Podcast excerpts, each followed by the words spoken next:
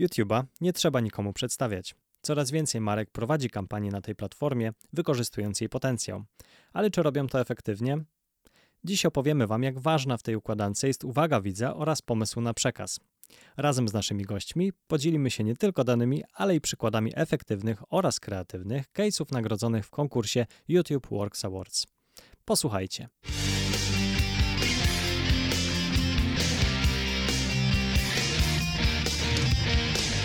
Mamy na to slajd. Cześć, słuchasz podcastu agencji Golden Submarine, pierwszego w Polsce o strategii marketingowej prowadzonego przez duet strategów. Trendy, analizy, kulisy planowania kampanii reklamowych. Na te i inne tematy dyskutujemy razem lub z zaproszonymi gośćmi. Sporo case'ów, ale i dystansu do branży. Zapraszają Marta Ulman, i Kuba Kwaczyński. Zgodnie z zapowiedzią, naszymi dzisiejszymi gośćmi są Olga Kudryk i Michał Zajdel. I zanim przejdziemy do meritum, no to y, parę słów, żeby Was przedstawić. Olga jest Product Marketing Managerem Google Polska i jest współtwórczynią polskiej edycji konkursu YouTube Works. Google odpowiada za marketing YouTube, y, YouTube'a B2B y, w Polsce oraz regionie. Z branżą związana jest od kilku dobrych lat. Wcześniej pracowała m.in. w Niewała Polska, gdzie była odpowiedzialna za działania z obszaru digital. Cześć Olgo. Cześć Marto, cześć Kubo. Cześć. Cześć Michale. I cześć Michale, bo drugim gościem jest Michał Zajdel, czyli e, Head of Media i Digital Central i Eastern Europe e, Kantar.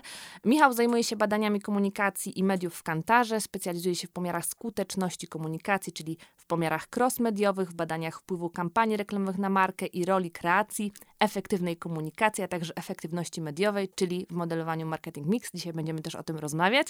E, no i Michał był jedną z osób odpowiedzialnych za przeprowadzenie badań dotyczących uwagi a efektywności, realizowanych właśnie razem z YouTube'em, z Googlem i o tym też dzisiaj będziemy rozmawiać. Dziękujemy Wam za przyjęcie zaproszenia do naszego podcastu.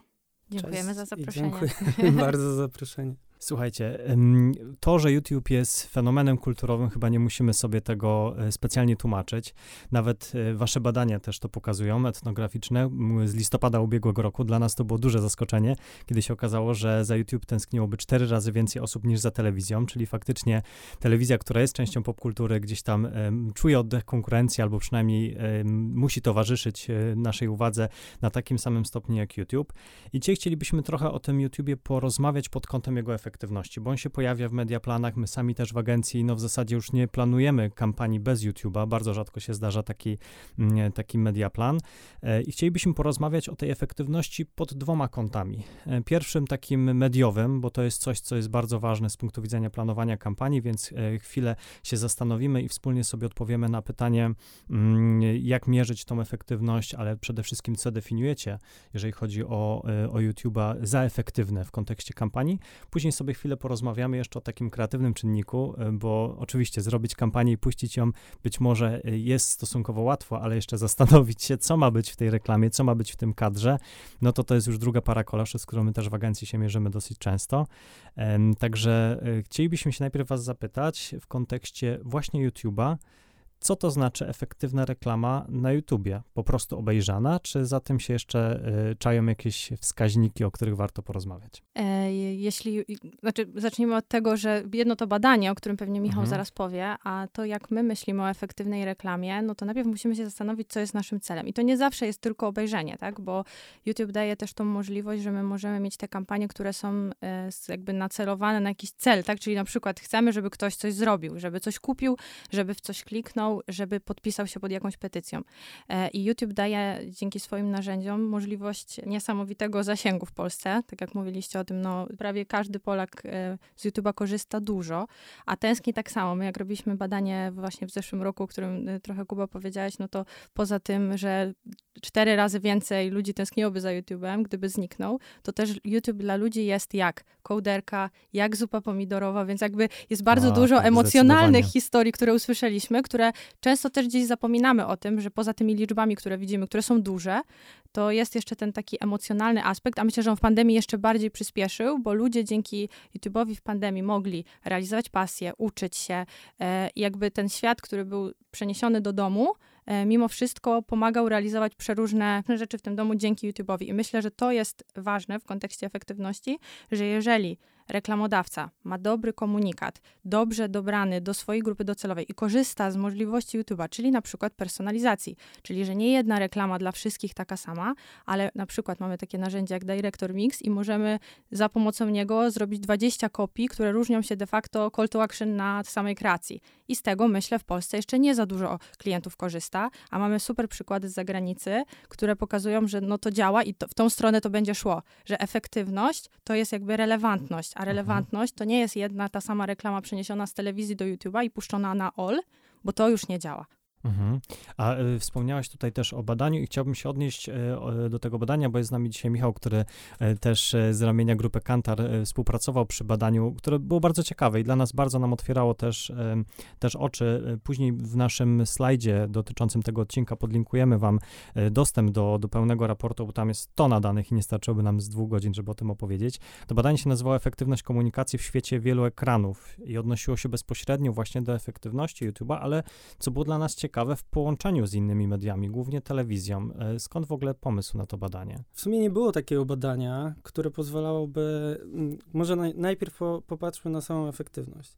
Bo z reguły w branży e, mówi się o efektywności, m, którą mierzymy ROI, prawda? Mhm. A tutaj taka efektywność związana z budowaniem marki, która tak naprawdę przekłada się długo na sukces marki długoterminowo no, nie jest e, tak często, tak często mierzona. Oczywiście YouTube to robi w ramach brand liftów. E, my również mierzymy mhm. brand liftami kampanię, no ale takie narzędzie, które pozwalałoby sprawdzić, jak, ta, jak budowana jest marka w porównaniu YouTube'a z telewizją czy z innymi mediami, e, to był taki główny cel. I to badanie zostało przeprowadzone nie tylko z YouTube'em, ale też z z organizacją SAR mhm. i wspólnie właśnie w gronie ekspertów e, stworzyliśmy ten raport. Zatem to był taki raport, który miał e, dać branży wiedzę, jak, jak po prostu dobierać media,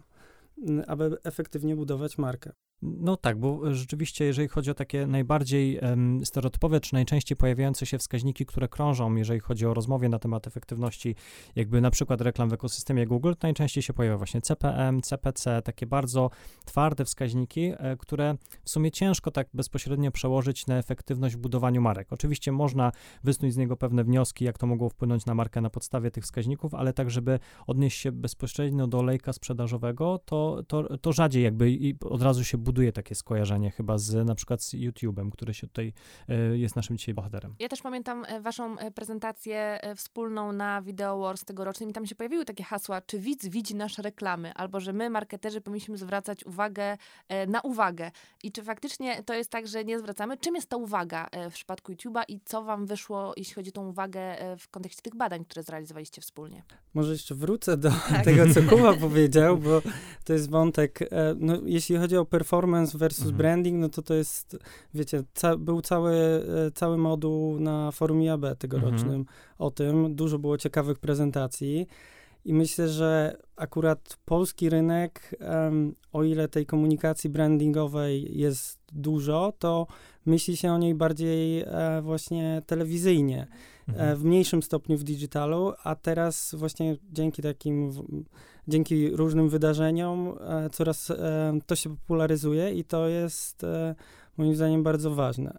A odnośnie mhm. uwagi, to można powiedzieć, że no to jest zagadnienie w reklamie, które mierzymy na dwa sposoby. Jeden e, dotyczy po prostu tego, czy kreacja, którą tworzymy, skupia uwagę e, respondenta, konsumenta. No i te pomiary służą do tworzenia odpowiednich kreacji. I to, to są takie techniczne przy pretestach i tak dalej, wiecie. A drugą częścią jest już e, i tą, e, tym pomiarem takim, czy ludzie w ogóle zwracają uwagę na komunikację, która jest wyświetlana. No i my w badaniu mierzyliśmy ten drugi aspekt, czyli po prostu czy ludzie, jak wyświetla im się reklamy, to zwracają na, na te reklamy uwagę. To jest coś, co nam się też pojawiło dzisiaj w rozmowie, bo z Martą mieliśmy dyskusję na temat tego viewability i tego, jak Mhm. można na różny sposób to interpretować.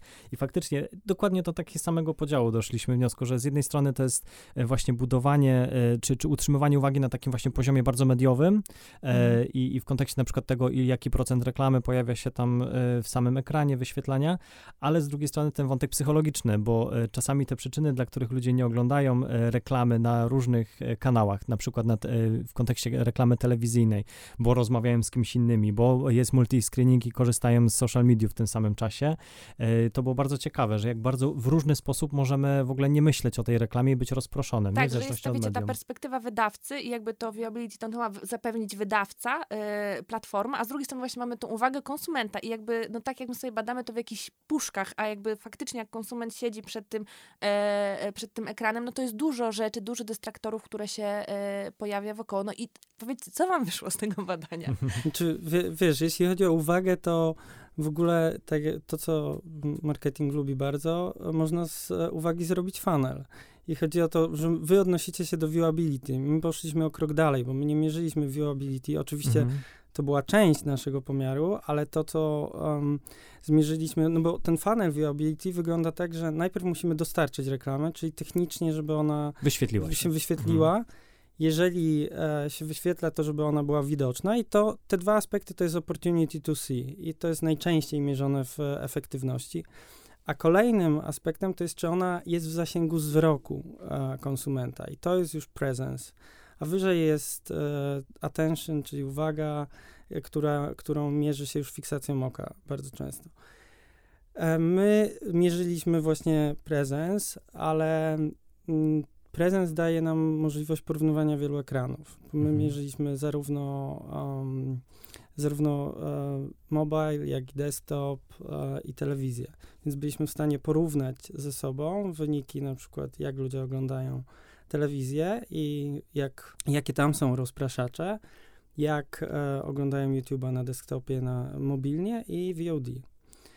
I to, co nam wyszło z tego badania, to, że tych rozpraszaczy, które dotyczą właśnie VOD i telewizji jest więcej.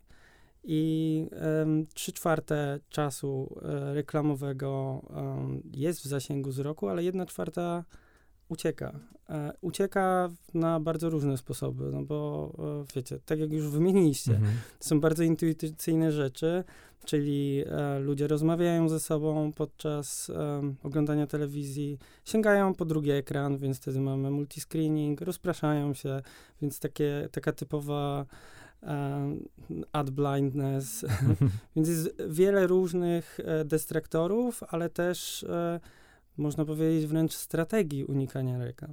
To, co najważniejsze... Ja tylko dodam, że, że ja myślałem, że moja strategia unikania reklam na VOD, czyli po prostu idę coś sobie zrobić w kuchni, a ta reklama niech sobie leci e, na tym serwisie. Myślałem, że tylko jestem taki sprytny, a się okazało, że to chyba było w top 2. Tak, ale w ogóle... Ale to jest e, super, że to poruszyłeś, bo to jest, my mierzyliśmy to presence tak, żeby, e, mierzyliśmy tylko płatny czas reklamowy, Mhm. więc w przypadku VOD to jest ciekawe, bo jak wychodzisz z pokoju, czyli stosujesz taką taktykę trochę telewizyjną oglądania, to reklamodawca musi Płaci. ponosić koszty, Tak. płaci Mhm. za to, Tak, no. prawda?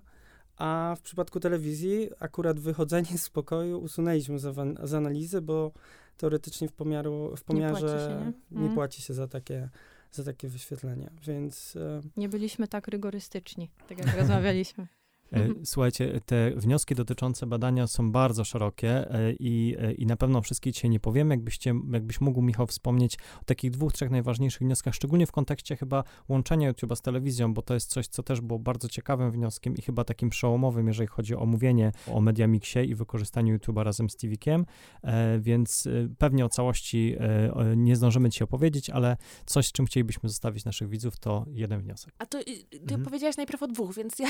To niech będą dwa w takim No razie. dobra, bo ja chciałam cię dopytać też o te etapy lejka, bo w sumie to jest też ciekawe, bo jak sobie myślimy o YouTubie, no to i w ogóle formatach wideo, no zazwyczaj myślimy o jakichś świadomościowych, e, rozważaniowych, a wy też jakby e, macie jakieś e, wnioski dotyczące skuteczności e, na tych dolnych etapach, że jakby można sobie cały ten funnel zagospodarować, więc to poprosimy o dwa wnioski w tych obszarach, chyba, że chcesz jeszcze czymś się podzielić, co jest bliższe twojemu sercu, to nie, to, to, to powiem może dwa wnioski. Jeden jest taki, taki, że, znaczy może zacznę od tego, że faktycznie po, podzieliliśmy te wyniki na dolny i górny funnel. Górny funnel, czyli te świ świadomościowe wskaźniki, dolny funnel, czyli purchase intent, czyli intencja zakupowa, czy um, brand favorability, czyli taka, e, takie pozytywne e, postrzeganie marki. I to, co nam wyszło, to, że um, w przypadku, jeżeli mamy do czynienia z kontaktem podwójnym kontaktem z telewizją i podwójnym kontaktem z YouTube'em e, i chcemy to sobie porównać, to telewizja buduje świadomość, ale e, nie buduje tych dolnych e, na e, etapie takiej frekwencji, nie buduje. Czy na przykład nie zachęca do zakupu, tak, żeby to spróbować przełożyć nie. na jakieś. W przypadku dwóch działanie. kontaktów nie, mhm. nie, nie zachęca do zakupu i YouTube to robi. I, I tutaj mamy taką różnicę.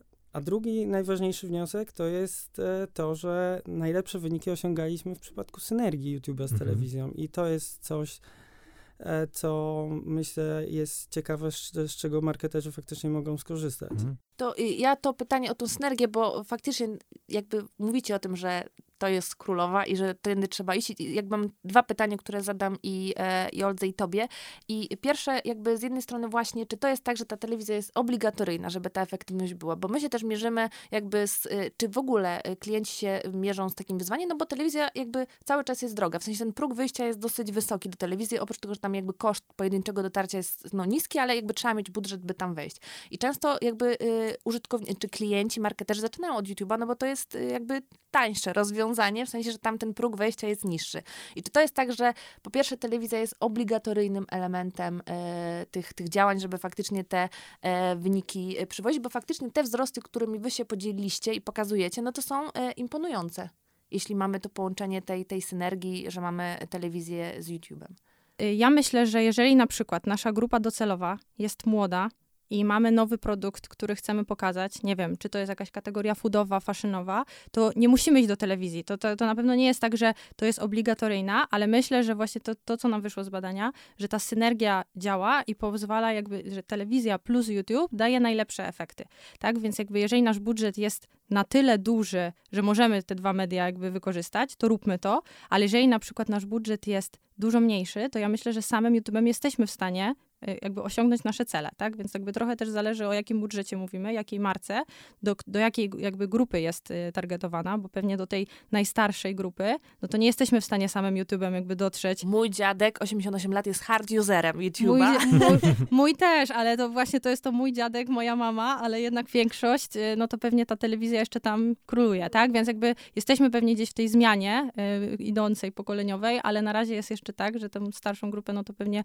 bardziej znajdziemy w telewizji telewizji, ale mimo wszystko myślę o tym, że no, zależ, tak jak powiedziałam, w zależności od tego, do kogo chcemy dotrzeć, e, to myślę, że i tak ta synergia jest wskazana, bo jest ten moment, w którym już trochę przypalamy, tak, telewizję, bo jakby wydajemy już o tyle za dużo, że moglibyśmy spokojnie na inne media przeznaczyć. I nawet nie mówię tylko o YouTube, ale mówię po prostu o wideo online. I to jest pewnie wtedy dotarcie do tej słynnej grupy Light TV, TV Viewers, o której też mamy różne badania. Więc... E, czyli wyjaśniając naszym tak. słuchaczom, osoby, które e, oglądają telewizję, ale nie na tyle często, żeby można było na przykład skutecznie zbudować godzinę świadomość dziennie, tej grupy. Godzinę dziennie, to jest taki do, Light TV Viewer. Do godziny. do godziny dziennie, tak, że nie więcej niż No to to jest dziennie. mniej więcej więcej jeden odcinek ukrytej mniej. prawdy. tak, to jest całkiem spora razy, grupa. Tak, tak. Cztery razy mniej niż średnia, nie? Bo tam średnia 4,20, a 4,30. Także, drodzy klienci e, albo osoby, które zastanawiają się nad zainwestowaniem w kanał YouTube'owy, jeżeli chodzi o budowanie świadomości, nie ma się czego bać. To, że optymalnym rozwiązaniem jest synergia, nie znaczy, że zupełnie musimy rezygnować z kanału YouTube'owego, bo w zależności właśnie od kanału i od grupy może też to skutecznie budować etapy świadomościowe. A jeszcze w kontekście rozmowę na temat kreacji, która, która też jest istotna i za chwilę jej poświęcimy też sporo miejsca, bo, bo będziemy rozmawiać na temat e, nagród YouTube, e, YouTube Works. w kontekście kreacji i tej synergii telewizyjno-YouTube'owej, czy to jest tak, że wystarczy już tak naprawdę wrzucić kreację telewizyjną e, do YouTube'a i tak naprawdę cała reszta i ten potencjał, który tkwi w YouTube'a będzie wykorzystany, czy jednak rekomendujesz, Olga, że faktycznie się powinna pojawić jakaś optymalizacja i na poziomie też na przykład, nie wiem, cięcia cięcia scen, albo też y, jakby dynamiki samej reklamy. Jak głęboka musi być ta optymalizacja? Czy to jest kwestia tylko jakby skrócenia, albo jakby wybrzmienia jednego formatu, jednego key message'u, czy pokazania logotypu na początku, jakby wiecie, y, czy to są jakby y, grube rzeczy, które powinny się zadziać, że jednak jakiś ten content powinien być inny, że tego konsumenci też czego innego oczekują? Znaczy idealny scenariusz to jest taki, że jak piszemy brief do agencji kreatywnej na reklamę, no to gdzieś uwzględniamy już wtedy, że chcemy mieć też wersję oczywiście online. To się dzieje, ale pomału, więc myślę, że dalej jest taka sytuacja, w której klient ma telewizyjną reklamę, którą chce puścić na YouTube czy na, czy na innym e, wideo online. I to, co my rekomendujemy i to, co się sprawdza, no to jest YouTube ABCD. I ja myślę, że tutaj nie będziemy pewnie w szczegóły wchodzić, mhm. no ale tam mamy to attract, czyli mówimy o tym, że w pierwszych pięciu sekundach musimy przyciągnąć e, konsumenta do tego, żeby nie chciał pominąć tej reklamy. Potem mamy brand, bo jakby my jasno mówimy o tym, że brand musi się pojawiać najlepiej od samego początku, żeby było jasne, o kim mówimy i dlaczego. E, potem ten connect i na końcu direct, czyli jakby no musimy Y, jakby te, stosując się do tych rzeczy, i to wcale nie są takie duże rzeczy, jakby się czasami wydawało, nie? Bo to jest kwestia przemontowania scen, to jest kwestia właśnie skrócenia, e, czy dodania call to action, którego czasami w telewizji nie ma, tak? E, takiego silnego, jaki jest potrzebny na YouTubie. E, ale tak samo pamiętam, że jak rozmawialiśmy o tych pomijalnych reklamach, to nawet te pomijalne reklamy dobrze działają, tak? Czyli to nie jest tak, że to jest stracone, jeżeli ktoś pominie, pominie naszą reklamę, więc te pierwsze 5 sekund jest bardzo ważne do tego, żebyśmy, żeby ten, żeby ten nasz konsument został z nami. E, I jest szereg sztuczek, właśnie tak jak mówiłam, czy to bezpłatnych, czy płatnych, no bo jeżeli potrzebujemy no, dodatkowy nowy spot, no to pewnie nie każdego na to stać, ale zakładam, że z naszymi narzędziami też darmowymi, które są dostępne, e, możemy sobie dowolnie nawet z displaya zrobić e, kampanię wideo, tak? Czyli nawet nie musimy mieć shootu, Wystarczy, że mamy produktowe zdjęcia i możemy spokojnie zrobić performanceową kampanię, która działa, tak? Po prostu silne call to action, y, rozpoznawalny brand i jakby też pokazanie, pokazanie co, co tak naprawdę ten, ten konsument ma zrobić. Znaczy, mam wrażenie, że to się trochę zmienia, bo mieliśmy taki shift, wiecie, z poziomów do pionów. I jakby pojawiały się briefy, że reklamy, że najpierw tylko były poziomy, teraz jakby piony, więc to się zmienia. I kolejnym krokiem właśnie będzie to, żeby uwzględniać, że to, bo bardzo często jest tak, że to się jednak pracuje na katach i to są po prostu jakieś skróty, reformaty, ale pasuje tak. się na tym, co, co jest. Natomiast faktycznie, no coraz częściej pojawiają się też takie y, briefy, że jakby wchodzimy na plan i też dogrywamy coś, co będzie dedykowane, albo rozszerzamy ten, co jest szutowane, żeby faktycznie wykorzystać to w, w online'owych po prostu materiałach. Ale trzeba walczyć jednak, bo to tak, zawsze jest dodatkowy czas na planie, a jak mm. dobrze wiemy, czas na planie zdjęciowym nie jest z gumy i czasami to powoduje... E, e, tak, to jest też jedna z pierwszych rzeczy, które idą niestety do odcięcia, kiedy się rozmawia na temat optymalizacji e, czy czasu, czy też budżetu, że a może jednak zostawmy tą wersję telewizyjną i zrobimy przemontowanie i może to wystarczy. Tak, nie? tym bardziej, jeśli, bo mam wrażenie, że dużo pracujemy na szóstkach, nie? I na mhm. bumperów dużo wykorzystujemy, no to tam jest taki komentarz, no z tej trzydziestki telewizyjnej na pewno da się te da... 6 sekund y, zrobić, tak. nie? No, to, to, to prawda, nie? Ale też właśnie mówię o tych narzędziach bezpłatnych, że nawet jeżeli nie mamy tego szutu, gdzie możemy sobie coś dograć, to weźmy te materiały, które mamy i skorzystajmy z tych y, bezpłatnych narzędzi, sobie przeróbmy to tak, żeby i potestujmy. Jakby YouTube daje super narzędzia do testowania. W ogóle mieliśmy taką historię w zeszłym roku, że klient testował na YouTubie kreację, miał parę kreacji i najlepszą dał do telewizji. Czyli jakby w drugą stronę, tak? Dzięki temu, że testowanie było za darmo, tak? Bo miał określony tam y, budżet do tego, żeby sobie przetestować swoją kreację, to najlepszą dał do telewizji. I to też jakby pokazuje, że poza tym, że możemy puścić kampanię na YouTube, to możemy sobie też różne rzeczy testować. I to jest też chyba taka rzecz, o której reklamodawcy zapominają, o tej mierzalności YouTube'a, tak? Czyli mamy twarde dane, że ta kreacja z tych czterech była najlepsza, pod takim, takim względem, więc myślę, że warto z tego korzystać, no bo wtedy rozmawiamy o liczbach, a nie o tylko, że to mi się podoba, a to mi się nie podoba. A to jest bardzo fajny wątek, o którym mówisz, bo mieliśmy, pamiętam w zeszłym roku mieliśmy taki brief od klienta, który w pierwszej fali swojej kampanii chciał budować świadomość właśnie na YouTubie ze względu na, no, na budżet, który dostał akurat na ten rok, ale stwierdził, że stworzy trzy wersje spotu, który mhm. miał być emitowany na YouTubie i zobaczy, który najbardziej będzie efektywny dla niego i to miała być podstawa do podjęcia decyzji, która z wersji będzie emitowana w mhm. telewizji mhm. rok później. E, więc, e, więc bardzo fajny, sprytny w zasadzie sposób na to, żeby, żeby w jakiś sposób przefiltrować sobie kreację, którą stworzył, e, no i jakby zabezpieczyć też swoje decyzje przed no, jakby dużo większym budżetem, jakim jest telewizja i, i pewnie też nożem na gardle, jaki miał z punktu widzenia zarządu. Właściwie to my w zeszłym roku zrobiliśmy badanie, które pokazuje, że właśnie ten schemat ABCD działa, jeżeli dostosujemy kreację. Porównaliśmy kreację telewizyjną, która została dostosowana do YouTube'a i wyszło nam, że poprawia to wskaźniki, więc e, dlatego warto.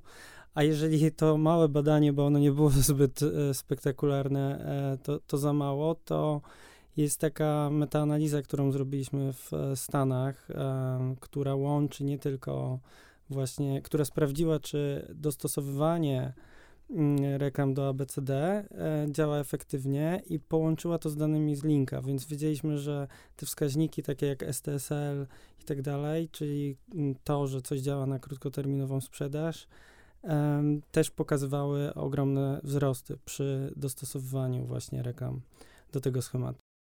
No ja myślę, że te informacje w ogóle performance'owe i te sprzedażowe to jest ciekawe, bo w dobie, y, no jakby dużo brandów i dużo kategorii mierzy się teraz, no jest inflacja, wiemy, że warunki nie są łatwe i to, że faktycznie jakby macie też dane i wskaźniki na to, że YouTube może przekładać się na wzrosty sprzedaży i na intencje zakupowe, no to jest w sumie y, mega ważne, tak? No tak, dodam, że właśnie tak jak mówicie o tym testowaniu, no to to, co my robimy z reguły, to część e, kreacji testujemy na przykład e, na faktycznie respondentach, żeby mieć dane, ale jeżeli mamy bardzo dużo kopii, to mamy do tego AI-owe narzędzie, które pozwala nam później porównać, więc część kreacji możemy przetestować w taki sposób, część w inny i w ten sposób e, wybrać właśnie te najlepsze. Skoro już jesteśmy przy kreatywności, to, to zatrzymajmy się tutaj na dłużej, bo, bo faktycznie wydaje się, że ten schemat ABCD jest takim bardzo, wiecie, twardą listą y, narzędzi czy y, checkpointów, które należy odhaczyć, jeżeli chodzi o tworzenie reklamy na YouTubie. Czyli taki dosyć, mm, niekoniecznie musia, musi być związany z historią, która się pojawia w kadrze. E, I, e, I właśnie przechodząc teraz do takiej części bardziej kreatywnej, czyli to, co się ma znaleźć w kadrze, pogadajmy chwilę o nagrodach YouTube Works Awards, druga edycja w tym roku e, i Olga, która jest dzisiaj z nami, jest odpowiedzialna za cały projekt. No to Olga, powiedz nam, jaki jest w ogóle zamysł tych nagród? Czy to jest tak, że teraz będziecie odpytywać marketerów z tego ABCD i ten, który robi to najlepiej, dostaje nagrodę? Czy to jest zupełnie inne podejście? To jest klucz, żeby zdobyć statuetkę. To właśnie, że za A dostaje piątkę, tutaj Tak. czwórka za B, tu piątka i złote, złota Y, nagroda. To myślę, że trzeba by było się zapytać jurorów, bo tutaj od razu bym chciała sprostować, że Google i YouTube nie wybiera zwycięzców YouTube Works, tak? Więc jakby my tego nie robimy. E, My tylko szkolimy naszych jurorów z tego, jakie możliwości daje YouTube i jak oceniać e, kampanię na YouTubie, e, a to oni wybiorą te najlepsze i tak samo było w zeszłym roku i tak będzie w tym. E, To jest, tak jak powiedziałaś, druga edycja w Polsce. E, To zaczęło się w UK, potem poszło do Stanów i teraz już jest w dwudziestu paru krajach. I my od jakiegoś czasu chcieliśmy e, launchować ten konkurs w Polsce, ale no, oczywiście trochę pandemia nam pokrzyżowała i tak naprawdę w zeszłym roku udało nam się z tą pierwszą edycją wystartować i trochę potraktowaliśmy ją jako taki, trochę jako taki test, tak? Chcieliśmy zobaczyć, czy w ogóle jest miejsce na ten konkurs w Polsce, bo tak jak wiemy, jest sporo konkursów, ale też e, ten insight, z którego wychodziliśmy, dlaczego my chcemy, mimo że są te konkursy w Polsce Mhm. e, pokazać, to mieliśmy takie wrażenie, że nawet jak jest ten YouTube w innych konkursach, to on jest traktowany trochę po macoszemu, nie? Że tam jakby cały czas jest telewizja jako król i ten YouTube, nawet jeśli jest, to on jest bardziej powiedziane, no my mieliśmy młodą grupę, no i zrobiliśmy YouTube, tak? I jakby nie ma zrozumienia, co to znaczy dobrze zrobiony YouTube i trochę nasz konkurs jest po to, żeby pokazać te dobre przykłady YouTube'owe, tak? To, to, żeby inspirować marki do tego, jak można, jak można wykorzystywać YouTube'a. I tak jak sobie zobaczycie na zwycięzców pierwszej edycji, to tam są przeróżne te kampanie, tak? Patrzyliśmy. Patrzyliście, tak, Tak. ale to też mówię o słuchaczach, bo nie wiem, czy wszyscy To widzieli. zachęcamy, żeby spojrzeć, Tak. bo tak, jest y, sporo wiedzy i sporo inspiracji, sporo przykładów, ale też mamy pytania o te przykłady, więc Oczywiście, oczywiście, więc y, i tam są przeróżne kategorie produktowe, też nawet takie nieoczywiste jak, nie wiem, audio, tak, Storytela, co mogłoby się wydawać, po co robić e, kampanię wideo. E, więc e, i też małe podmioty, tak, jak Centrum Praw Kobiet. Więc, więc ta pierwsza edycja nam pokazała, że jest bardzo duże zainteresowanie, tak, jakby mieliśmy 100 zgłoszeń, byliśmy sami, jakby to w ogóle było pewnie razy dwa to, co my sobie, sobie myśleliśmy na początku, jako taka pierwsza edycja, więc wtedy stwierdziliśmy, dobra, robimy dalej, no bo widzimy, że to ma sens i też naszym celem jest właśnie, tak jak powiedziałam, edukacja, inspiracja, czyli nie tylko jest tak, że ty wygrywasz i na scenie się pojawia, że no marka X i agencja Y wygrała i mamy krótkie, minutowe wideo case study pokazujące tak naprawdę reklamę, a zależy nam na tym, żeby pokazywać, dlaczego ktoś wygrał, czyli przy każdym zwycięzcy macie no twarde dane, tak, jakby, którymi się podzielili i jakby też to jest tak jakby edukacja, no bo to nie jest tylko tak, że ja dostałam statuetkę, o dziękuję moja mamo i, i fajnie, tylko jakby no dzielimy się tą wiedzą, bo, bo, bo chodzi o to, żeby po prostu coraz lepiej to robić, a nie żeby tylko dostać nagrodę, nie? Więc ja zakładam, że to jest takie wzajemne inspirowanie się i edukowanie. A to jest ciekawe, bo y, pojawiają się takie zarzuty w kontekście konkursów kreatywnych, nawet tych największych kańskich lwów, że te kampanie, które tam wygrywają, są fajnymi case'ami, ale y, często nie, y, robią, nie robią wyników. I nawet jest takie powiedzenie, nie u nas, ale w branży, zróbmy kampanię pod nagrodę, że jakby to jest jakiś osobny w ogóle brief, osobna przestrzeń, że bardzo często tam brakuje tych wyników efektywnościowych. No to, Mhm. to jest fajne, że wy, jak rozumiem, w tym konkursie to też jest istotne i to też jakby jest element nie tylko, że zróbmy coś fajnego, ale zróbmy coś efektywnego. Tak, tak, tak. No i trochę też myślę o polskim rynku, nie? że mamy konkursy o kreatywności i mamy konkursy o efektywności. I jakby no, naszym celem było gdzieś bycie pośrodku, bo YouTube no, nie jest ani jednym, ani drugim, jest tym środkiem, nie? Jakby, I tylko działa, jeżeli są te dwie rzeczy, więc równie mocno oceniana jest kreacja, jak i wskaźniki wszystkie pozostałe, nie? Więc jakby to, to, to nam przyświeca, więc to nie będzie tylko wiecie, to, to, to, to o czym- ty, Marta, powiedziałaś, nie? że zróbmy kampanię na Worksa. No tak trochę chyba to nie wygląda i tak patrząc nawet na te, na te nawet nie tylko zwycięzców, ale na zgłoszenia, no to, no to myślę, że to na szczęście tak nie wygląda. Zobaczymy, co będzie dalej, nie? że jednak w tą stronę kan, kan nie idziemy. Ale to jest tak, że to, mm, te kampanie, one nie muszą mieć jakby YouTube'a jako głównego medium, w sensie, że Nie. ważne, żeby on Mhm. się pojawił w Mediamixie, ale jeżeli my na przykład myślimy o, o zgłoszeniu jakiejś kampanii, nie wiem, z naszej agencji, to nie musimy myśleć tylko o tych case'ach, dla których YouTube, czy na przykład, nie wiem, teledysk albo jakiś inny format, który jest wiodący dla YouTube'a i był tą główną osią kampanii. No bo z tego, co pamiętam, na przykład zeszłoroczny Storytel był taki bardzo e, różnorodny pod kątem doboru mediów, bo to było i audio, i wideo, jakieś jeszcze inne formaty. Tak, znaczy no myślę, że absolutnie nie, w sensie, że nie musi to być tylko YouTube, tak? Jakby nawet sama jedna kategoria, multi-screen excellence, no to jakby my jasno pokazujemy, że ta synergia mediów i synergia ekranów działa i chcemy e, nagradzać, katego- nagradzać takich reklamodawców, którzy to dobrze robią. A to wiadomo, nigdy nie będzie tylko YouTube, tylko właśnie i telewizja, VOD, czy, czy inne platformy socialowe, e, więc nie, nie musi być to tylko YouTube, to tak e, od razu zaznaczam i tak samo budżet nie jest ważny, tak? Jakby w zeszłym roku wygrywały kampanie, które miały budżet, które miały bardzo mały budżet, albo takie, które robiły pro bono, tak? Więc myślę, że wszy- wszystko jest możliwe na YouTubie.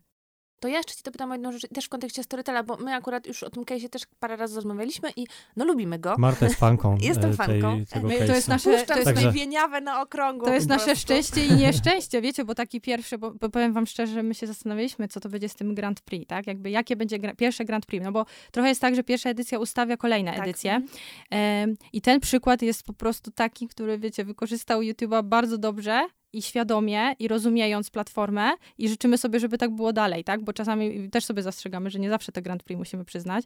Tutaj było jakby jednomyślne, więc e, jurorzy jakby no po prostu zakochali się w tym pomyśle, dlatego że no on odpowiadał po pierwsze na insight konsumencki, tak? Jakby no siedzieliśmy w domach, ten Storytel spadał jakby jako, jako aplikacja. Z drugiej strony wykorzystali te znane postaci, ale też właśnie tego, tego konsumenta wodzili pomiędzy tymi ekranami, tak? I jakby tu raz audio, tu raz teledysk. Zaczęli na Storytelu, skończyli na YouTubie. Po prostu taka ta ścieżka była na tyle, wydawałoby się niby skomplikowana, ale tak wszyscy za tą historią podążyli, bo tam była ta historia, której my też szukamy. No tu są dwa wątki, my się z Kubą tutaj e, przekrzykujemy niemalże, kto ma ja- powiedzieć. tego nie widać teraz i nie słychać, my się to już szarpiemy. Szarpiemy. Będą siniaki po tym nagraniu. E, tak, ale bo w sumie tu są dwa wątki, o których chcemy też porozmawiać. Po pierwsze fabuła, ale zaraz do tego przejdziemy, myślę. Druga rzecz to jest właśnie to, y, to przechodzenie między kanałami, no bo faktycznie to, co zrobił Storytel, no to oni tam wykorzystali bardzo różne kanały i w sumie e, ja tak jak sobie myślę o takim tradycyjnym tworzeniu, tam mi trochę brakowało jakiegoś takiego hubu, gdzie wiesz, przekierowujemy cały ruch, no bo część była u nich na Część była u was e, na YouTubie y, i też w kontekście tych naszych, tych waszych, już nie naszych badań, że jakby y, no jest sporo tych dystraktorów, a tutaj jakoś się udało tego konsumenta y, między tymi kanałami poprzeciągać, nie? No bo była wciągająca historia i ja myślę, że to jest klucz, nie? Jakby myślę, że te, te narzędzia są potem wtórne, no bo oni wyszli od tego, że mieli fajną historię do powiedzenia i potem się zastanowili, jak ją można powiedzieć, żeby docelowo, bo wiecie, tam jest jakby ten temat tego, że im zależało jednak na płatnych subskrypcjach, więc to nie jest tak, że to jest tylko fajna do klikania, do obejrzenia, tylko tam była ta akcja wymagana i ta akcja się wydarzyła, więc, więc myślę, że tutaj no, ta historia na tyle wciągnęła, że te ekrany i te, ta zmiana nie była ograniczeniem, tylko była jakby takim zaciekawieniem jeszcze dla tych co tam ten Storytel jeszcze wymyślił, tak? Mamy taką obserwację z Martą, też niedawno do niej doszliśmy, bo wiecie, nasz strategów bombarduje się ciągle komunikatem, że, e, że jest mały attention span, że ludzie coraz krócej oglądają materiały, że chcą mieć y, bardzo takie y, natychmiastowe doświadczenie z jakimś kontentem i że nie mają czasu, bo ciągle są Mhm. on the go i tak dalej. A z drugiej strony nagrody, które przyznajecie, wyróżniają content, który na przykład ma po 2-3 minuty. Oj, to ja wam E, zaraz powiem o jednym case'ie, to no, wam rozwali godzinę. głowę. No właśnie, Nie. słuchaj. Pięć godzin. Ale właśnie słuchajcie, no i to jest bardzo ciekawy wątek w dyskusji, bo z jednej strony branża bardzo dużą presję robi na to, żeby było jak najbardziej skrócony materiał, żeby upchnąć w szóstkę na przykład jakiś główny komunikat, a z drugiej strony się właśnie pojawiają takie projekty i my mamy taką roboczą swoją jakby teorię, że po prostu musimy się trzymać tych wszystkich sztywnych zasad digitalowych, chyba, że jest zajebista historia. Że w sensie, Mhm. jeżeli jest kreatywny i faktor Wiesz, bardzo silny, no to wtedy jakby są ludzie, ludzie mają dużo inny poziom uwagi i zainteresowania. To znaczy, to jest taki paradoks w ogóle, że, że wiecie, żeby uzyskać em, dużą efektywność, to im dłużej przytrzymujemy uwagę konsumenta, na, tym ta efektywność będzie większa. Prawda? A wszystkie formaty, wszystko idzie w, w kierunku tego skracania. I moim zdaniem to jest, em, e, to jest kwestia tego, że po prostu musimy wiedzieć, em, do czego wykorzystywać poszczególne formaty. No, bumper nie będzie nam budował dolnego fanelu, bumper zbuduje nam świadomość i I utrwali do tego służy, dokładnie. główny, nie? i zbuduje ten, e, tą, t, właśnie message association. Ale z kolei, jeżeli chcemy format Truvio, daje różne możliwości i tutaj Przypomnijmy tylko dla słuchaczy, że format Truvio to jest format pomijalny i on też dopuszcza na przykład dłuż, dłuższą reklamę. No, ale chodzi o to, że, że właśnie w przypadku e, historii, zawsze historie będą się bronić i jeszcze chciałem powiedzieć o tym hubie. No nie, właśnie ze względu na takie rozdrobnienie, my może już nie potrzebujemy mieć hubu i takiego przekierowywania ruchu, bo e, konsumenci mogą po prostu w różnych miejscach, e, w różnych miejscach korzystać z tego kontentu, bo to, co się zmieniło, to, co my zauważyliśmy w ogóle, jak ludzie postrzegają e, content, to, że mamy teraz e, nie kwestię, wiecie, patrzenia per medium, tylko przez uniwersum e, Mhm. contentowe. I tak powinniśmy patrzeć ne, też Mhm. na tworzenie, tworzenie reklam. Mnie się wydaje, że po prostu dużo łatwiej jest zbriefować i zrobić krótką historię niż ciekawą historię. Wiecie, że łatwiej jest wyprodukować szóstkę z dużym logotypem, no bo w sumie wiecie, co w szóstce pokażemy Musisz logotyp, produkt, hasło. benefit, tak, Mhm. jest Easy, hasło, nie? no. I dużo to jest łatwiej niż po prostu zrobić e, faktycznie e, wciągającą e, e, historię. I też mamy takie myślenie, że na przykład teraz jest taki boom na winietki, nie? I że ta winietkowość, która się pojawia, to też jest takie trochę ułatwienie, no bo potem sobie właśnie to potniemy jedną winietkę jako jedną szóstkę, drugą winietkę jako drugą I znowu szóstkę. winietkę wytłumaczmy naszym Mhm. słuchaczom, bo to jest też takie nasze wewnętrzne Tak, określenie. dziękujemy, Kubo. Czyli tutaj jestem Strażnik. waszym adwokatem, słuchajcie. Ym, że to jest e, spot, który na przykład jest podzielony na kilka różnych scen. One często są niepowiązane ze sobą fabułą, ale na przykład tworzą łączny klimat jakby tego, o czym chce powiedzieć marka. No, takim dobrym przykładem jest chociażby reklama Żywca Chce się ży, gdzie w spocie e, telewizyjnym jakby są różne sceny, czasami bardzo absurdalne, ale łączy jakby taka chęć do życia, no jest puenta Chce się ży Żywca, ale potem jakby marketer może sobie te pojedyncze sceny wykorzystać jako na przykład pojedyncze spoty i my to tak nazywamy perwinietki, czyli takie e, krótkie formaty. No to powiedz nam, e, Olgo, w takim razie, jak to jest, no bo już Michał też Mhm. powiedział, ale jak to jest z tą, e, z tym historią, że my się tak e, boimy długości i boimy się fabuły. Mhm. No ja myślę, że niesłusznie, tak? Bo nam, bo tak, jakby z jednej strony wszyscy teraz mówią, że krótkie formy działają i one działają, tak? Ale te długie też działają jakby i też są potrzebne. Ja y, chętnie bym tutaj opowiedziała tak dosłownie chwileczkę o zwycięzcy tegorocznym ze Stanów, Mhm. mhm. worksowym, polecam wszystkim, bo tak, wychodząc z Insightu, to marka Sheba, czyli e, karma dla kotów. E, Nie wiem, czy już znacie, bo się uśmiechacie. Znamy. Nie, bo my, Ale znacie markę, czy znacie znamy case? markę, znamy Longoria, bo to jest case, który nie, to- z Kubą to nie. wykorzystujemy To myślę, że ten będzie nowy. To Tak. ten będzie nowy. Dobrze. E, I A, słuchajcie, oni, Podmienimy slajdy tak. dla No. studentów. I oni znaleźli taką informację, też korzystając w ogóle z YouTube'a i z tego jakby, korzystając z tego jakby kto ko- korzysta z YouTube'a, weszli sobie oczywiście w analitykę i zobaczyli, że około czwartej rano właściciele kotów wstają. Tak, jakby wstają. Dlaczego wstają? Bo ich koty się budzą, bo mają taki instynkt, że około czwartej rano e, ten ich taki instynkt łowczy się zaczyna, one są głodne, więc trzeba im nasypać jedzenie. No jaki jest problem? Problem jest taki, że potem ciężko zasnąć. E, No i oni jakby wiadomo, zaczynają surfować po YouTubie, po internecie i, i- właśnie szukając jakby takich rzeczy, które ich po, z powrotem jakby e, włączą do snu. jak szybko zasnąć. Niekoniecznie, niekoniecznie. Właśnie robią różne rzeczy, żeby Dzień zasnąć. pralki. Tak? tak. I jakby marka Sheba stworzyła bardzo dużo takich krótkich e, filmików, które miały de facto przekierować wszystkich e, userów, którzy właśnie o tej czwartej e, wstają, na pięciogodzinne ASMR, który był zrobiony właśnie dla tych ludzi, którzy o tej czwartej wstają, nie? Czyli z jednej strony jakby odpowiedzieli na to, że no są ci ludzie, którzy wstają, e, to jest jedna jakaś tam jednorodna grupa, no i to trwało 5 godzin, nie? Jakby zobaczcie sobie, to ma 600 tysięcy wyświetleń na YouTubie.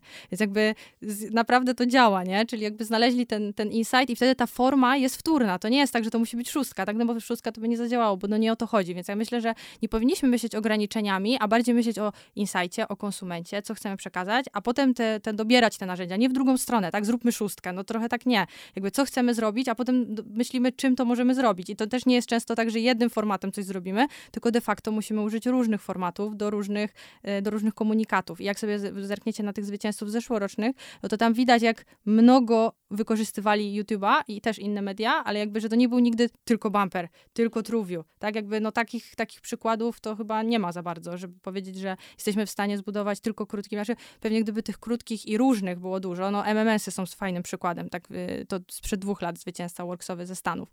Tam była historia tego, że oni wykorzystali opakowanie MMS-ów po to, żeby takie memowe rzeczy wrzucać na MMS-y, czyli na przykład siedzisz w pracy, siedzisz na YouTubie, no to masz, o, ale jesteś zapracowany, tak, na, na pudełku y, MMS-ów, nie? Więc jakby takie y, kontekstowe wykorzystanie papierka, no ale jednak było takie celowane per kontekst, per y, użytkownik I, to, i to może działa, no bo to są krótkie, były tylko bumpery wtedy, no ale one były maksymalnie targetowane, więc, y, więc jeżeli mamy, mamy takie fajne historie do opowiedzenia na skalę, no to też jak najbardziej krótkie też działają. To nie jest tak, że nie działają, tylko po prostu zastanówmy się, co my chcemy zrobić, nie? Jakby na czym nam zależy. Ja bym nie myślała na o formacie, w sensie tak mi się wydaje, że to jest takie trochę błędne. A trochę chyba tak czasami jest, właśnie mm. myślenie, które nam upraszcza e, jakby pracę, albo sam klient też wychodzi z inicjatywą, bo też ma jakieś doświadczenie, na przykład z poprzedniej kampanii, że to jest taki set formatów, który jest dla niego optymalny, no ale faktycznie, mm, jeżeli się wychodzi od formatu, a nie od pomysłu, to na końcu faktycznie jedyne, co możemy optymalizować, to według tej takiej e, ratunkowej listy ABCD, tak. która po prostu e, stara się w jakiś sposób optymalizować ten przekaz i jest to na pewno bardzo praktyczne, ale z drugiej strony, no też jakby jest oddzielone od jakby tej historii, która potem decyduje o tym, czy dostajemy nagrodę w YouTube tak, Works Awards. Tak, tak. Tak samo z ING z zeszłego roku. To też jest fajny przykład, myślę, pokazania. No bo tak, ING robi kampanie e, telewizyjne, tak? I wszyscy je znamy i wiemy, z jakich oni tam figur korzystają. No ale mieli badania, zrobili, wiedzieli, że Polacy nie lubią rozmawiać o pieniądzach, tak? Że temat tabu, bardzo ciężko jest to w takiej 30-sekundowej reklamie zaadresować. Można, ale pomyśleli, że lepiej zrobić jakąś serię kontentową, którą zrobili na YouTubie i tę, którą też promowali, gdzie właśnie za pomocą znanej osoby, tam to był chyba Mozil, który opowiadał właśnie jakby w takim stand-upowym e, stylu o tych takich naszych właśnie e, różnych przekonaniach i stereotypach, no to to im zadziałało. No tego w telewizji by nie zrobili, więc ja myślę, że trzeba od tego, no ten insight jest po prostu najważniejszy i to nam pokazują wszystkie chyba te zwycięskie kategorie z zeszłego roku i mam nadzieję też w tym roku. Ach, jak już słyszymy Insight z Martą, to już jest ciary. Dreszcze jest, mamy, tak. Jest, wiecie, drugie imię stratega. No. Nie, bo wiecie, my też o tym mówimy, że to jest po prostu strasznie trudne, żeby, żeby wpaść na, y, żeby odkryć ten insight. To też wymaga jakiejś głębszej eksploracji, że y, no tak jak tu mówisz, y, coś udało się znaleźć na YouTubie, ale bardzo często i to też są takie badania, które EFI robi, że jakby najczęściej to są etnograficzne badania, które wiemy, że są czasokosztochłonne i że w sumie to też nie jest zawsze takie easy, żeby ten insight dobrze sobie zdiagnozować. Prawda, ale właśnie to, co jest zaletą YouTubeworksa, to, że jest to konkurs w sumie i dla strategów, i dla kreatywnych, więc każdy znajdzie w tym konkursie coś dla siebie. I wiadomo, że, że te insighty i poszukiwanie tych insightów w etnografii jest najfajniejsze, bo wtedy, wiecie... Ale można jest, też w komentarze można, na YouTubie wejść Można w komentarze, tak, można w analitykę, jak, jak Olga powiedziała, więc e, to jest... E, to jest kwestia może e, bardziej, e, nie, nie zawsze musi być to kosztowne. A samo wypełnienie zgłoszenia, też mamy specy, specjalne materiały przygotowane o tym i też będzie webinar, e, który powie na co zwracać uwagę, gdzie, jak wypełniać poszczególne punkty, zatem przez całą ścieżkę konkursu um, osoba zgłaszająca jest przeprowadzona. Za rękę. Dobrze. Tak, a jeszcze mamy właśnie, bo jeszcze o tym nie powiedziałam, i mamy też 15-minutowe sloty, gdzie umawia się z y, specjalistą z YouTube'a, gdzie, gdzie można opowiedzieć mu o pomyśle na to, co chcielibyśmy zgłosić i w 15 minut można sobie przegadać z nim e, po prostu temat od razu na gorąco. Czyli nie, że zgłaszamy i czekamy na wyniki, tylko możemy jeszcze przed zgłoszeniem sobie sprawdzić, czy dobrze myślimy myślę, że zachęcam do tego. Bardzo Można fajne. się zapisywać na stronie. Można to y, nazwać nawet point of difference. Office Hours, y, tak. Office Hours to nazwaliśmy i w zeszłym roku super działało. Teraz już też mamy bardzo dużo zapisów, więc też zachęcam, bo widzę, że to jest bardzo doceniane przez, y, y, szczególnie przez agencje, tak? Bo oni przychodzą z pomysłem, że potencjalnie klient X chciałby się zgłosić, ale mają pytanie X, Y, Z i jakby na, i możemy sobie to jeszcze zawczasu, e, zawczasu sobie to wyjaśnić. No my z Kubą napisaliśmy w naszym życiu strategicznym y, sporo zgłoszeń i wiemy, że to jest y, często nierówna walka.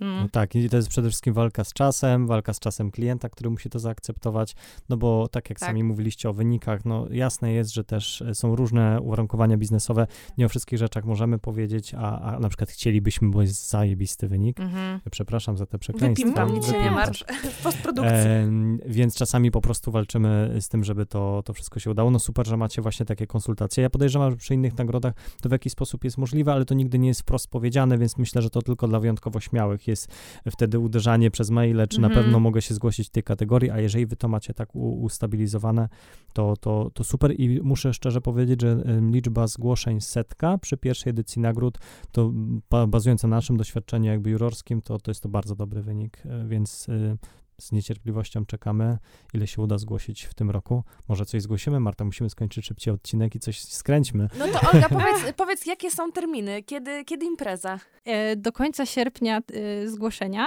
a impreza w listopadzie, koniec listopada, więc, więc tak. I mamy nadzieję, że będzie offline, e, oczywiście z streamingiem, ale tak, chcemy się spotkać na żywo tym razem. Super. To weź tam dwa krzesła, odstaw Przy bufecie. przy bufecie. Oczywiście. Y, Mamy podsumowaną pierwszą edycję badania. Pytanie, y, co dalej? Czy zamierzacie y, kontynuować, czy będą jakieś nowe wnioski, którymi będziecie niebawem chcieli się dzielić? Tak, w tym roku, em, w tym roku jest druga edycja i zakończyliśmy już realizację. Pracujemy nad raportem. Raport e, będzie miał swoją premierę na Brandcaście, ale oprócz tego później zostanie udostępniony rynkowi jeszcze konkretnego terminu. E, konkretnego terminu nie, nie mogę podać. E, A sam raport będzie o liczbie kontaktów i to, jaka jest liczba kontaktów, która pozwala zwiększać efektywność. I też nowe media dodane. A, i dodaliśmy nowe media, czyli oprócz e, telewizji będziemy mieli e, Facebooka i TikToka. Uuu. Dobrze, no to tym bardziej z niecierpliwością Robi się czekamy. gorąco. Tak, zobaczymy. To już sporo powiedzieliśmy o tym, jak się zgłaszać. Mam nadzieję, że zachęciliśmy e, naszych słuchaczy. A powiedz mi, gdybyśmy chcieli poszukać tych inspiracji, o których mówicie, i zwycięzca z zeszłego roku, myślę, że to są dobre benchmarki nie tylko do zgłoszeń, ale też w ogóle na życie i na, na pracę dalszą. To gdzie możemy tego szukać? E, Zachęcam odwi- odwiedzić naszą stronę, tak, tam są te wszystkie case, o których mówiłam, każdego zwycięzcy, dlaczego wygrał wraz z liczbami, z cytatami, a też y, zaraz startujemy z kampanią y, naszych zwycięzców zeszłorocznych, którzy będą mówili, jak dobrze zgłosić się na YouTube Works i wygrać, tak, więc myślę, że to też będzie ciekawa historia ich słowami, mówiona e, o takich tips and tricks e, wygranych YouTube Works. Kurde, postarali się. Fajna sprawa, słuchajcie, bo to też pokazuje, że, mm, że jest życie też po tych nagrodach, że to dalej funkcjonuje, więc y, y, myślę, że też tak obiektywnie patrząc, powiew świeżości na rynku nagród, że to jest też fajny challenge też dla, na tym poletku nagrodowym, który pokazuje też zaangażowanie organizacji, która, która gdzieś tam organizuje ten, ten cały Majdan. E, każdy próbuje na swój sposób z tym i tu fajnie, że się pojawiają nowe formaty, że coś w ogóle nowego się może pojawić na, mm, na rynku nagród także pod tym kątem. No i samo zgłoszenie, jeżeli ktoś zgłasza, to też musi przemyśleć sobie YouTube'a i mamy nadzieję, że to później zostaje przy kolejnych kampaniach i przy planowaniu, że ten YouTube będzie e, brany pod uwagę w e, ciekawszy sposób. I też jurorzy, nie? Jakby też wymieniamy jurorów, e, też po to, żeby po prostu coraz więcej osób edukować e, z tego, jakie są te inne kampanie, bo często jesteśmy zamknięci w tym swoim brandzie, w swojej agencji, w swoich Tych jakby, tych kampaniach, tak? A tutaj y, było tak dużo inspiracji, pamiętam w zeszłym roku, przez te zderzenia, tak? Bo jakby zobaczycie sobie na jurorów, no to u nas no nie ma kreatywnych tylko, tak? Mamy kreatywnych, mamy klientów, mamy agencje badawcze, e, mamy Performance'owe. performance'owe, mamy twórców takich, nie wiem, typu Natasza Parzymies, która jest młodą reżyserką, więc jakby tam jest taki przekrój, bym powiedziała, bardzo multidyscyplinarny, ale też wiekowo różny, doświadczeniowo bardzo różny. Olgo, Michale, bardzo Wam dziękujemy za, e, za udział w naszym podcaście i za masę wiedzy i inspiracji, którą się z nami e, i z naszymi słuchaczami przede wszystkim podzieliliście. Dzięki wielkie za zaproszenie. Dzięki. I proszę coś zgłosić. Zachęcamy, zachęcamy my też. E, oczywiście przygotujemy też dla was e, slajd podsumowujący... Oj, mnóstwo jest rzeczy, które chcielibyśmy rzucić na ten slajd, o tym, o czym wy mówiliście. Ja chcę ten case, żeby koniecznie dodać na slajd, żeby było łatwo go znaleźć. E, Także będzie on uzupełniony o, o wszystkie e, źródła, o których dzisiaj mówiliśmy. Dodamy też e, najciekawsze dane, linki, źródła do badań, o których e, rozmawialiśmy, więc będziecie mogli też poczytać, jak to jest z tą synergią i jak to jest z tymi, z tymi wynikami i jak to jest z tym YouTube'em i innymi mediami. Dziękuję Wam jeszcze raz i do usłyszenia niebawem. Cześć. Cześć. Cześć.